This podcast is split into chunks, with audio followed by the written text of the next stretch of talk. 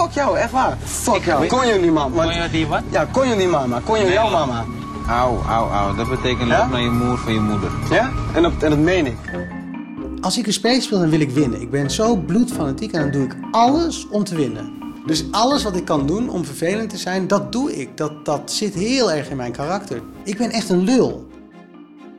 Ik ben Elja Looijenstein en dit is het verhaal van Huub. Mijn bij de hand jeugdvriend die een berucht personage werd in een van de meest omstreden televisieprogramma's ooit. En uiteindelijk zijn bestemming vond in de wereld van de reality-tv. Een jacuzzi, een verwarmd zwembad, een sauna, een paardenbak met paardenstallen met paarden erin. Een oprijlaan, een fontein aan de voorkant. En het was gewoon, ja, het was gewoon fucking mooi. Dit is Uit de Gouden Kooi, een podcast van de VPRO-gids. Aflevering 1, Oneindig gevangen in luxe. Huub en ik ontmoetten elkaar in 1992 op het Twents Karmel Lyceum in Oldenzaal. We zijn dan allebei 11 jaar en zitten samen in de brugklas. Hij heeft felle donkerbruine ogen, is klein voor zijn leeftijd, maar heeft een grote bek. Ik kleed me alto en zit veel met mijn neus in de boeken.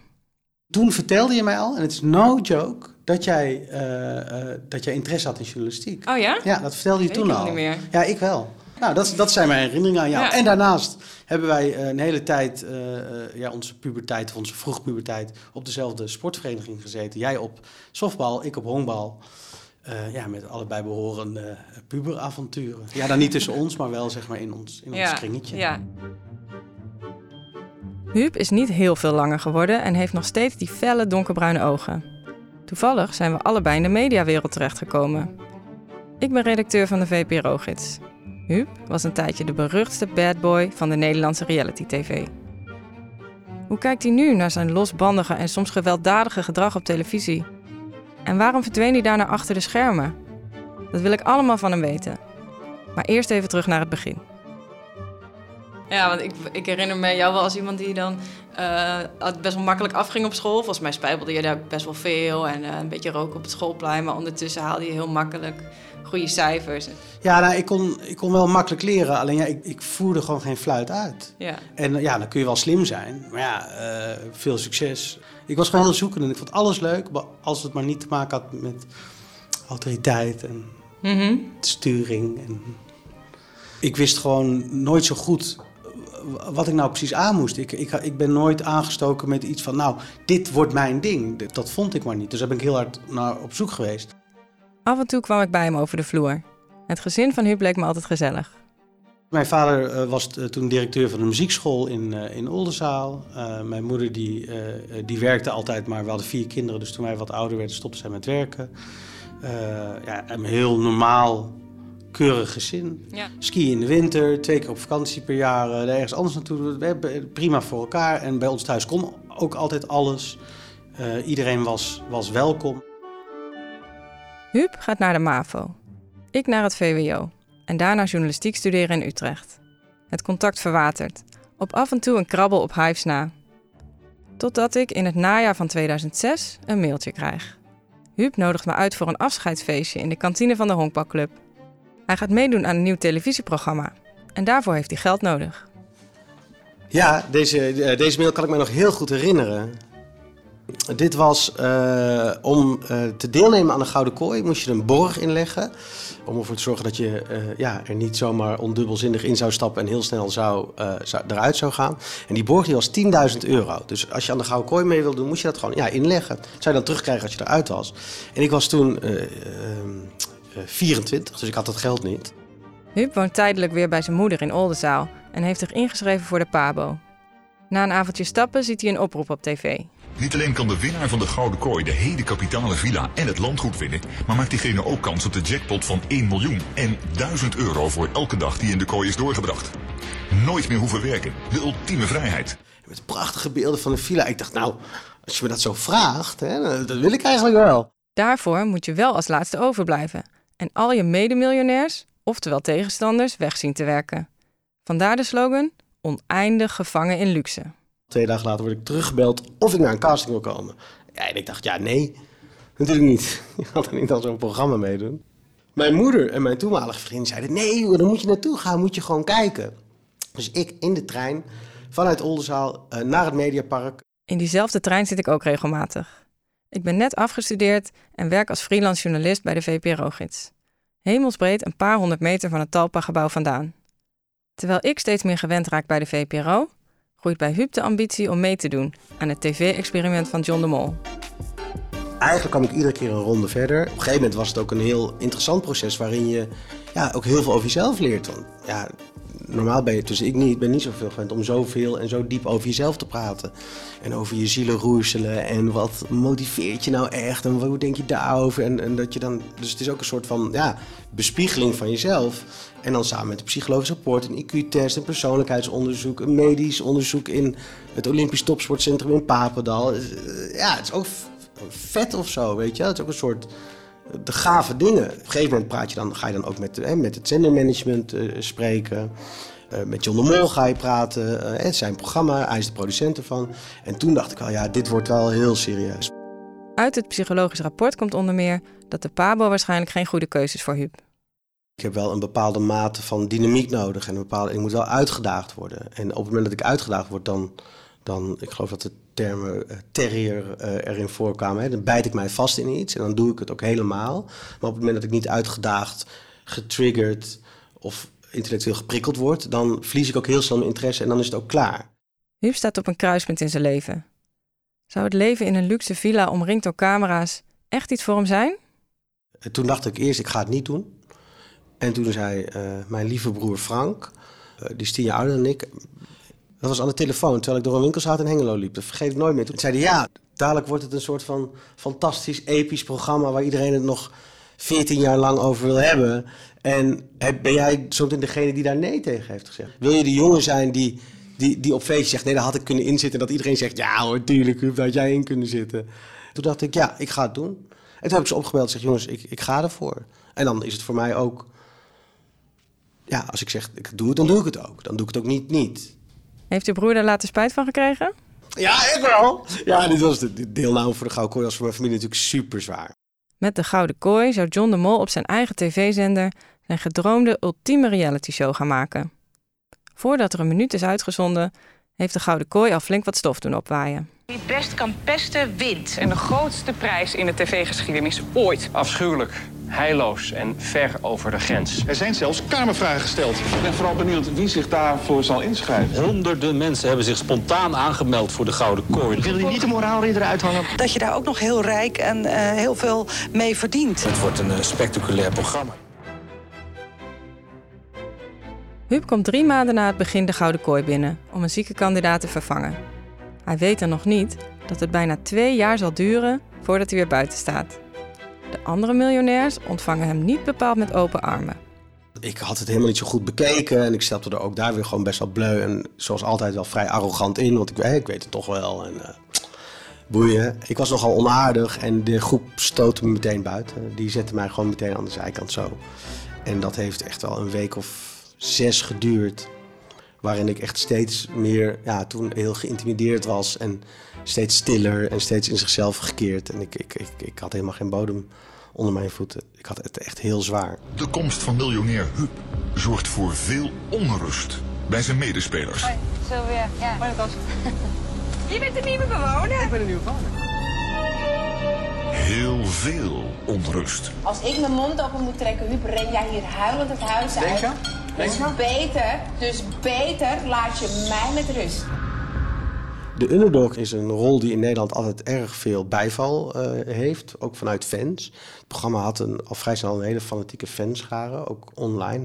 En dat stond dus helemaal achter mij. Dus toen kwam er een kaartenactie met, ik denk al 5000 handgeschreven kaarten, om mij een uh, steentje in de rug te geven. En het was een maandelijkse populariteitspol en, uh, waar mensen met sms'jes konden stemmen. En die won ik met zoveel overmacht. Toen ik dat voelde, toen, toen, toen dacht ik, oké, ik kan nu twee dingen doen. Ik kan nu gewoon naar huis gaan en het gewoon zo laten.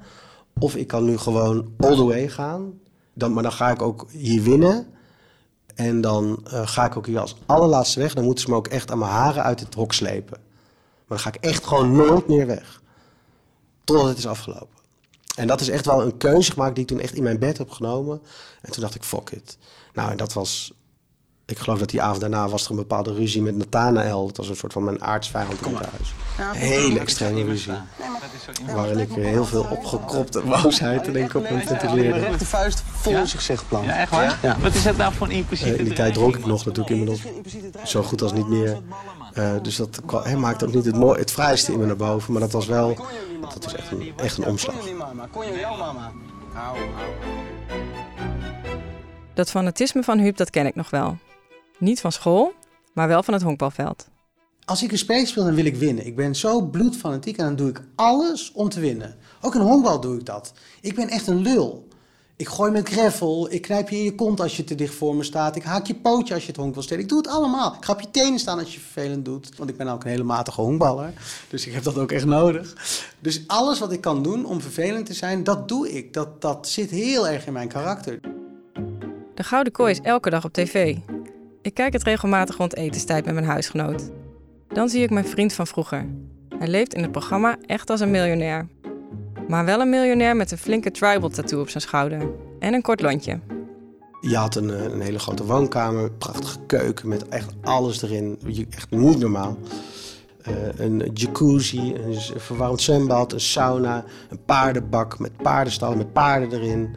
Een oprijlaan, een fontein aan de voorkant. En het was gewoon, ja, het was gewoon fucking mooi. Maatpakken, eh, horloges, dassen, schoenen. Je mocht alles bestellen. Het was gewoon de luxe ten top. De dingen die ik hier doe. Ehm, ik heb een aantal cursussen heb ik aangevraagd, die moeten nog binnenkomen. En verder natuurlijk genieten van alle luxe die we hebben. Aan het zwembad, in de tuin, in de keuken. Eigenlijk alles erop en eraan. Gewoon een beetje genieten. En daarnaast kijken hoe je je weg kan vinden met de bewoners. En het gaat met de een gaat het heel goed en met de ander ook gelukkig niet goed. Je kan mensen laten komen die je wilt. Dus dat varieerde van paardrijlessen tot sigarencursussen, tot eh, muzieklessen, tot chic eten. En er waren gewoon wel regels. Je kon niet tot vier uur in je bed blijven liggen. Tijdens normale uren ben je gewoon netjes aangekleed. Eh, en ja, leef je leven. Doe wat je wilt. Ik speelde altijd mee, leef piano. Ik heb daar twee jaar, bijna twee jaar lang, denk ik, vier uur per dag piano gespeeld. Ik speel echt sick goed piano, met name door de Gouden Kooi. Hm. Dat, heb je, dat was nooit in beeld. Nee, maar dat is ook totaal niet interessant hoor. Die 24 minuten per dag, dat, ja, het werd als een soapprogramma met cliffhangers. En blikken en zoempjes en een boom. Met blije muziek. Eh, eh, eh, nou, als je soaps gaat analyseren, wat ik later voor werk echt heel veel heb gedaan, kun je, zijn er zeven verhaallijnen in een soap die je kan vertellen. En met spanningsbogen, kortlopend, langlopend en zo bind je ja, een, een verhaal aan elkaar vast. En dat deden ze echt heel goed. En in die soap, dat ik daar de piano zit te spelen. Ze hebben het wel eens gebruikt. Ik heb wel eens een scène gezien dat eh, een aantal mensen in het huis los waren aan het gaan wat voor een barbaar ik was. Terwijl ik in de andere kamer, geloof ik, een etude van Chopin aan het spelen was. Dat vond die desbetreffende eindredacteur wel een leuk contrast. Dus het kwam er wel eens in voor. Maar ja, Huub heeft pianoleden, dat is best wel saai hoor. De makers proberen van alles om de dagelijkse reality soap boeiend te houden. De miljonairs worden vermaakt, maar ook tegen elkaar opgezet. En de uitgesproken karakters van vooral Brian, Natasia, Amanda, Jaap en Huub botsen maar al te vaak. Nou ja, Brian is natuurlijk mijn vriendje vanaf dag één. Amandaatje is erbij gekomen, dat is ook mijn poppetje. Nou ja, Eer, die, eh, ja, daar zorg ik gewoon voor, want die hoort er gewoon bij. Dan, dan heb je Rans Jaap, die een, doel heeft die hij bereiken wil, wat hem gewoon 100% niet gaat lukken. Dan heb je ehm, eh, Sliko de Kliko, daar heb je gewoon helemaal gereed aan. Dat is minder als een figurant. En dan hebben we natuurlijk last but not least onze eigen huis, agressieve huisalcoholist Huub. En dat is de Gouden Kooi. Hoe was de sfeer op een gewone normale Fantastisch. Superleuk. Jonge mensen. En met Brian kon ik 9 van de 10 keer gewoon heel relaxed omgaan. Weet je wel? Maar ja, er waren ook momenten waarop het erom ging dat we lijnrecht tegenover elkaar stonden. Gadverdamme, man. Wat een fucking hoer. Zit je aan te neuken? Wat fuck ben je dan hier? Zit je aan te neuken? Heb je een probleem mee? Ja, best wel. Je hebt het dronken gevoerd. Je hebt het dronken Niet doen, gevoerd. niet doen, niet doen, niet doen, niet doen! Hey, hey, hey, zwaar! Mensen vinden het zo heel lekker om te zeggen: ja, nee, dat zijn een stel gekken. Ik heb de netste mensen, meest intelligente mensen zien vervallen in gedrag, eh, inclusief ikzelf. Waarin je denkt zo van, wow, dat is wel heel erg heftig. Dat ben ik niet. Ja, nieuws voor je. Dat ben jij ook. Dacht je dan ook, als, je, als er zoiets gaande was in, de- in je achterhoofd van... eh, dit is goede tv? Ja, absoluut. Ja, ik kon dat echt wel doen. Maar ik kon het ook wel eens expres opzoeken. Maar dan zo kwaad worden dat ik, dat ik boven mijn eigen grens heen ging. Al snel staat de Gouden Kooi bekend als een platvloersprogramma, waarin volop gescholden, geruzied, geduwd en getrokken wordt. Als ik de televisie aanzet, zie ik de jongen waar ik sigaretjes mee rookte achter de honkbaldugout regelmatig met dingen gooien, schreeuwen en treiteren. Ook gaat hij met allerlei vrouwen naar bed. Hé, hey, ga naar huis, schat. Hé, hey, stomme hoer. Je moeder is een fucking hoer. Wat wil je doen dan? Hey. Ik ben heel vaak dronken geweest en heb daarin me laten gaan in ruzies. Uh, ik heb ook heel veel seksueel losbandig gedrag vertoond. Ja, dat vind ik uiteindelijk ook niet zo erg. Ook nu niet. Ik heb, ik heb een dochter van 15, die weet dat ook. Ja, dat vind ik allemaal niet zo spannend, weet je wel. Ja, nogmaals, ik ben 24. Kijk, als ik toen kinderen had gehad, dan vind ik dat je dat je, je verantwoordelijkheid anders ligt. Maar ik had toen alleen maar verantwoordelijkheid aan mezelf te leggen. De wat stuurloze Huub, fanatiek, maar snel verveeld, heeft eindelijk iets gevonden waar hij zijn tanden in kan zetten. En hij laat niet los. Dat werd vooral later, cultiveerde ik dat. Toen ik eenmaal voet aan de grond kreeg, ja, vanaf dat moment ben ik het ook gewoon alleen maar gaan zeggen dat ik daar voor altijd zou blijven, nooit meer naar huis zou gaan. Zeker nog, heb ik zelfs nog een plaatje meegemaakt en in, en in honderd discotheken mee opgetreden, weet je, door het Nederland. Dus uh, dat, uh, dat, dat, dit is mijn huis, dat werd wel een soort van, een soort van lijfspreuk werd dan. Nou, je hoort hem nu op de achtergrond zachtjes. Luister ja, ja. maar.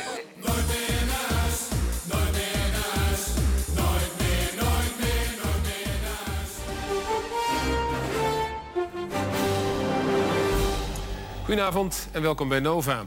Gemap en verbaal geweld. Het zijn zo langzamerhand de kenmerken van de real-life serie De Gouden Kooi van John de Mol. Nou, in Nederland hebben we dus uh, sinds kort de treitershow, de pestshow. En ja, als je ziet wat daarin gebeurt, dan vraag je je af of we dat allemaal met z'n allen moeten willen. De kritiek houdt aan. John de Mol blijft trots. Gouden Kooi, komt hij nog terug? Ik denk het wel. Het is uw kindje. Ja, nou ja, dat is niet mijn kindje, maar in ieder geval wel een van de programma's waarvan ik echt denk uh, dat het de moeite waard is om daar nog even mee verder te gaan. Ja. Waarom? Omdat het een nieuw genre televisie is waar ik erg veel van uh, verwacht. Er waren natuurlijk ook nog al die hoeren als je daar misschien naartoe wilt uh, nou, op een gegeven moment. Please. Nou, dat was eigenlijk een beetje zo. Als de nood hoog is en je kunt alles bestellen, nou, dan moet dat toch niet zo moeilijk zijn. Nou, laten we dan een, een, een hoofdvorm regelen. Ja, precies. Laten we er gewoon in uit de Jap Jum komen. Dag mevrouw, ik heb een vraag nu. Uh, wij bellen dus vanuit de Gouden Kooi. En uh, wij bellen dus voor een vriend van ons die we hier ook bij ons in huis hebben. Ja. En we willen hem eigenlijk heel graag verrassen met een dame voor morgenavond. Ja, dat is leuk hoor. Gaat het lukken? Jazeker. Nee, nee, Natasja heeft een plannetje gemaakt van... oh ja, Huub met zijn grote bek, we kunnen we doen. We zenden gewoon een prostituee voor hem. En dan uh, zetten we hem even lekker op zijn plek. Dus wij zitten te eten in ons driedelige pak. En uh, mij een mooie jurk, lekker gekozen. Echt gewoon heerlijk te dineren. Dingen komt er bij aan. Dan komt een vrouw met een masker weer in de lingerie. En die zegt, ja, ik kom hier voor jou. En ik dacht alleen maar, oh my god. En ik zag meteen aan nee naar Natasja van, oh. En toen uh, dacht ik, ja, maar ik laat me natuurlijk niet kennen. Dus uh, ik een leuke avond met haar gehad. Gewoon het bed met haar gedeeld. Nou, heel ding, jongen. De telegraaf, toestanden. Ik geloof dat zelfs uh, buitenlandse media daar ook over berichten. Want dat was toch echt wel... Ja, dat was nog nooit vertoond. Toen dachten zij dat ik daar helemaal mee zat. En toen heb ik, de eerstkomende vrijdag dat er was, om hen te pesten... heb ik haar weer uitgenodigd. Ja, ik vond dat toen al lachen. Je had gewoon echt scheid aan, aan veel dingen. Nee, ik, ja, er zat toch al een deuk in toen, weet je. Ik had het toch al één keer gedaan. Ja, of het dan honderd keer doet. Het was ook een heel aardig meisje, was het. Het was ook wel raar of zo, maar goed. Huub's escapades met de prostituees worden steeds aangehaald om het verschrikkelijke niveau van de Gouden Kooi aan te duiden. Net als het fragment waarin zijn medikandidaat Jaap rolt in zijn eigen kots. Dat is een heel apart verhaal en dat is echt wel een heel grappig verhaal. Kijk, Jaap was altijd bij een act. Jaap kwam er gewoon aan en dan had hij zo'n hoed op en dan wist je gewoon... Oh, Terror Jaap is er. Wie is Terror Jaap? En kan Huub zichzelf niet beheersen? Of is hij een briljant acteur? Dat hoor je in de tweede aflevering van Uit de Gouden Kooi. Uit de Gouden Kooi is een podcast van de VPRO-gids. Gemaakt door mij, Elja Looijenstein. Met hulp van Cecile Elvers en Irene Houthuis. Techniek Alfred Koster en speciale dank aan Huub van Ballengooi. Kijk voor meer podcast en podcasttips van de VPRO-gids op vprogids.nl slash podcast.